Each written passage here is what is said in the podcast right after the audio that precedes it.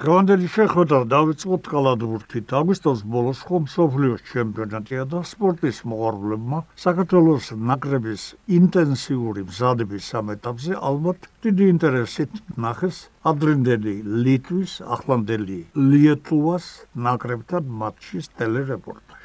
და ახლა ელოდებიან ლატვიის ნაკრებთან მატჩს, რომელიც 5 აგვისტოს რიგაში გამართება. დამეთახმებით რომ საერთოდ კალათბურთს არასოდეს აკლდა ყურადღება და ინტერესი. მოусმინოთ საკლუბო გუნდის ქუთაისის და საქართველოს 20 ლამდელ კალათბურთელთა ნაკრები გუნდის თავარ მწვრთნელს კოტე ტუს. მიერსამები რადიო მსმენელს, რა თქმა უნდა, აგვისტოს ერთ საკმაოდ დატვირთულია საკალათბურთო მოვლენებით, მთელი საკალათბურთო სამყარო მოლოდინში ვარ. სოფლიო ჩემპიონატისთვის პირველად ისტორიაში საქართველოს ეროვნულ ნაკრებმა მოიპოვა. სოფლიო ჩემპიონატზე ასპარეზობის უფლება და შესაბამისად ყველი სოფლიო ჩემპიონატის დაწყებას საკმაოდ კარგი ჯგუფში ვარ მოყოლებული და იმედი მაქვს ჯგუფიდან გასვლას მოახერხებთ და აქტიურ ფაზაში გადავიდე უკვე მოსამზადებელი ეტაპი. ამხანაგური თამაში ჩაატარა საქართველოს ნაკრებმა ლიტვის წინააღმდეგ რომელიც ყოველთვის გამოირჩეოდა საკალათბურთო წარმატებული ნაკრებით. საკმაოდ ძლიერ ნაკრებთან ჰქონდა თამაში და ვფიქრობ რომ საკმაოდ ღირსეულად ვითამაშეთ მიუხედავად იმისა, რომ დაუმარცხეთ, ალბათ გულშემატკივარი მაყოფილი იქნება თამაშის ხარისხით, ნამდვილად სანახაობრივი და კაი კალათბურთი ვაჩვენეთ და ლიტვის ლიერნაკრებთან მხოლოდ მხოლოდ ორი ქულის ხოვით დაუმარცხეთ. ფილიში 12 და 13 აგვისტოს სამხანაგურ ტურნირს იმასპინძლებს ფილიშის თასი იქნება რომელიც კიდევ ერთხელ დარადგება ჩვენ საგრებს კიდევ უკეთესად შეთამაშდნენ ბიჭები და მოემზადონ და მოკლედ მოლოდინში ვართ იმისა რომ პირველი გამოსვლა ჩვენ სოფლიო ჩემპიონატზე საკმაოდ ღირსეული იქნება და პროგრამა მინიმუმ დღეს-დღეს გასაგებია რომ მოახერხებს ეროვნული ნაკრები გასვას პირველი ჯგუფური ეტაპის დაძლევას როგორც მოგეხსენებათ მე გახდით 20-მდე ნაკრების მწვრთნელი, რომელმაც მაკედონიაში გამართულ ევროპის ჩემპიონატზე მიიღეთ მონაწილეობა. შეიძლება შედეგით არ ვიყოთ მოყოფილები, მაგრამ აქცენტი გქონდა გაკეთებული ახალგაზრდა კალათბურთელებზე, იმაზე რომელსაც მომოუწევს იგივე ასაკობრივ კატეგორიაში მოუწევს თამაში და ჯერა რომ ბიჭებმა საკმაოდ კარგი გამოცდილება მიიღეს. საბოლოო ჯამში მე-14 ადგილზე გავედით, მაგრამ კიდევ ერთხელ ვიძახი ეს ალბათ საფუძველი იქნება იმისა, რომ მომოუწევს უფრო კარგი შედეგი ვაჩვენოთ. სწორედ 20-მდე ის ნაკრებია, რომელიც ხვალდაზე უკვე ეროვნულმა ნაკრებმა უნდა მიიღოს შევსება ამ გუნდისგან და საკმაოდ საინტერესო თაობა მოდის. ძალიან ბევრი ახალგაზრდა ჩვენ ქვეყნის საზღვრებს გარეთ თამაშობს იმედი გვაქვს რომ ეროვნულ ნაკრებში ისინი უკვე მომავალში მოიპოვებენ თავის სათამაშო დროსაც და ადგილს ასევე ქუთაისის გუნდის წვენი გახლავართ სექტემბრიდან განახდება საქართველოს ჩემპიონატი. დავიწყოთ მომზადებას ქუთაისის გუნდი როგორც ყოველთვის იბრძოლებს მაღალი მიზნების მიღწევისთვის და საქართველოს ჩემპიონობისთვის ბევრი ახალი სახე ყავს. სწორედ ქუთაისზე ვაკეთებთ აქცენტს და რამოდენიმე ქუთაისელი გოლში რომელიც იგივე ესპანეთში იყვნენ სათამაშო წასულები უბრუნდებიან საკუთარ ქალაქს და საკუთარ ქალაქის გუნდს იმედი მაქვს რომ წარმატებით დაეხმარებიან იმ მიზნების მიღწევაში რომელსაც გუნდის ხელმძღვანელობა უსახავს მათ ძალიან დიდი მადლობა. ეს რაც შეეხებოდა კალათბურთს. ახლა გავხსენოთ ევროპის ახალგაზრდულ ფესტივალზე ჩვენი სპორტსმენების გამოსვლაც. ეროვნული ოლიმპიური კომიტეტის პირველი ვიცე-პრეზიდენტი გუჯაბერიშვილი მარიბორში გამართულ ამასპარეზობაზე საქართველოს სპორტული დელეგაციის ერთ-ერთი ხელმძღვანელი გახლდათ. მივესალმები ჩვენს მსმენელს ეს არის სლოვენიის ქალაქი სადაც ჩატარდა ევროპის რიგით მე-17 ახალგაზრდული ოლიმპიური ფესტივალი. მინდა შევახსენო აქ ჩვენს მსმენელს რომ 2015 წელს ჩვენ ანალოგიურ ფესტივალს უმასპინძლეთ საქართველოში თბილისში ამჯერად სპორტის 9 სახეობის წარმომადგენლები შეიკრიბნენ მარიბორში ესენი არიან 14 17 წლის ასაკის სპორტსმენები. მათ შორის იყვნენ ციუდოისტები, მძლეოსნები, მოჩრევები, კალათბურთელები, ველოსპორტი, ორი დისციპლინა საგზატეცილო და სამთო ტანვარჯიში სკეიტბორდი, ჩოგბურთი. ეს ის ხალხია, როცა დრო დადგება, უნდა შეავსონ საქართველოს ეროვნული ნაკრები და უკვე დიდ ოლიმპიადებზე იასპარეზობ. ჩვენ გვყავდა სულ 31 სპორტსმენი და ჩვენ გუნდურ ჩათვლაში ევროპის 58 ქვეყანას შორის დავიკავეთ მე-14 ადგილი. ეს არის ძალიან კარგი შედეგი, ეს არის წარმატებული გამოსვლა ჩვენი სპორტსმენებისა და მინდა გითხრათ, რომ ტრადიციულად როგორც ეს ადრე ყოფილა, ყველაზე მეტი მედალი ჩვენმა ძიუდეისტებმა მოიპოვეს. სულ ჩვენ გქონდა სამი ოქრო, ორი ვერცხლი და სამი ბრინჯაო. აქედან ერთი ბრინჯაოს გარდა ყველა მედალი ძიუდოისტების ანგარიშია. რაც შეეხება ერთ მედალს, ბრინჯაოს მედალს, ეს არის დაჩი დოლიძის მიერ მოპოვებული ტანვარჯიში, რაც ძალიან სასიხარულო და მისასალმებელია, იმიტომ რომ დიდი ხანია ჩვენ ტანვარჯიში სერიოზული წარმატებისთვის არ მიგვიხსენებია და აი დაჩი დოლიძე მოახერხა ის რომ ტაიძე ვარჯიშზე ამ ცირ შეჯიბრებაზე მოიპოვა ბრინჯაოს მედალი. რაც შეეხება სხვა ჩემპიონებს და პრიზიორებს, მერაბ სამადაშვილი, მათე გველესიანი და შოთა ბაჩოშვილი გახდნენ ჩემპიონები აი ამ ფესტივალისა. ვერცხლის მედლები აიღეს გიორგი ბენდელიანმა და საბა გველესიანმა, ბრინჯაოსი ძიუდოისტმა შოთიკო გოჩიაშვილმა.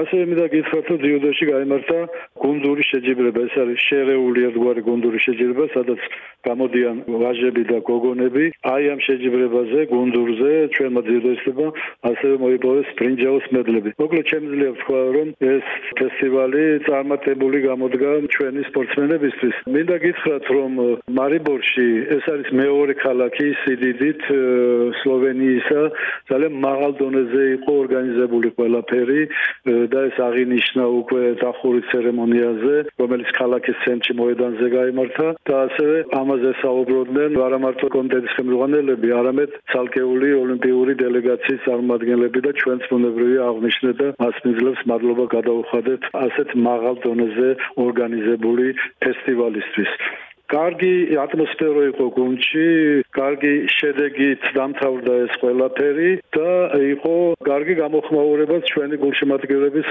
მხრიდან. მათი ნაწილი ჯერ კიდე აეროპორტში დაახსნა მშობლებთან და მედიის წარმომადგენლებთან ერთად. მე ვფიქრობ, რომ კარგად გაშუქდა ეს ყველაფერი ჩვენი მედიი და ჩვენი ქვეყნის მოსახლეობა იმ ხალხმა, ვინც დაინტერესებულია ქართული სპორტით, მიიღო სრული ინფორმაცია იმის შესახებ, როგორ გამოვიდნენ ჩვენი ახალგაზრდა სპორტსმენები ფესტივალზე. რა კი ახალგაზრდულ თემაზე საუბრობ, აქვე მინდა გამოვყო ჩვენი ძალოსნები, რომლებიც ამ დღეებში ბუქარესტში მიმდინარე ევროპის ახალგაზრდულ ჩემპიონატზე მონაწილეობენ. განსაკუთრებით სწორედ ამ ბოლო წლებში წარმატებით გამოდიან სწორედ ახალგაზრდა სპორტსმენები, ბუნებრივია დიდებს არაფერს ვამბობ, ისინი დიდი ხანია უკვე სოფლიო შეჯიბრებებზე დიდი წარმატებით გამოდიან.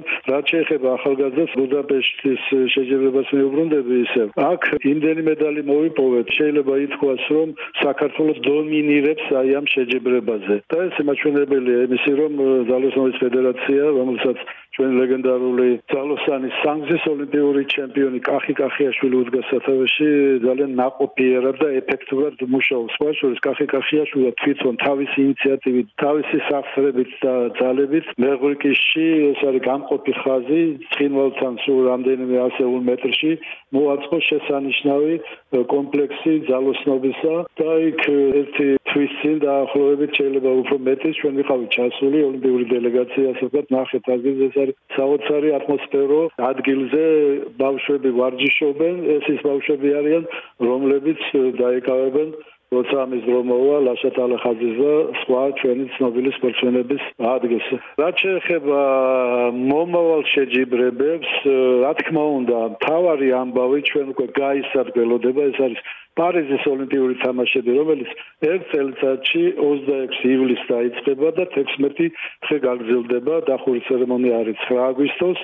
ჩვენ უკვე ვემზადებით, რა თქმა უნდა, ამისთვის ფაქტიურად წინა ოლიმპიადის დასრულების შემდეგ შეიძლება ითქვას, რომ ჩვენ გადართული ვიყავით ოლიმპიური კომიტეტი და ფედერაციები პარიზი 2004-ისკენ ამ დღეებში მე როგორც საქართველოს ოლიმპიური მისიის ხელმძღვანელს პარიზი 2024-ზე ჩვენი კომიტეტის საერთაშორისო ურთიერთობისა და დიპლომატიის უფროს რუსიკო აბციელს მოგვიწია ყოფნა პარიზში ხუთდღიანი სემინარი ჩატარდა მისიების ხელმძღვანელების იყო ძალიან საინტერესო შეხვედრები პლენარული სტომები ასე ვთქვა და ინდივიდუალური შეხვედრები უკვე ცალკეული სამსახურების ხელმძღვანელებთან. მივიღეთ მნიშვნელოვანი ინფორმაციები, რომელსაც უნებრივია გაუზიაროთ სპორტულ ფედერაციას მსმენელებს და სპორტსმენებს, ჩვენ გვექნება ამ თემაზე შეხვედრები აღმასკომში და სხვა ფორმატებში.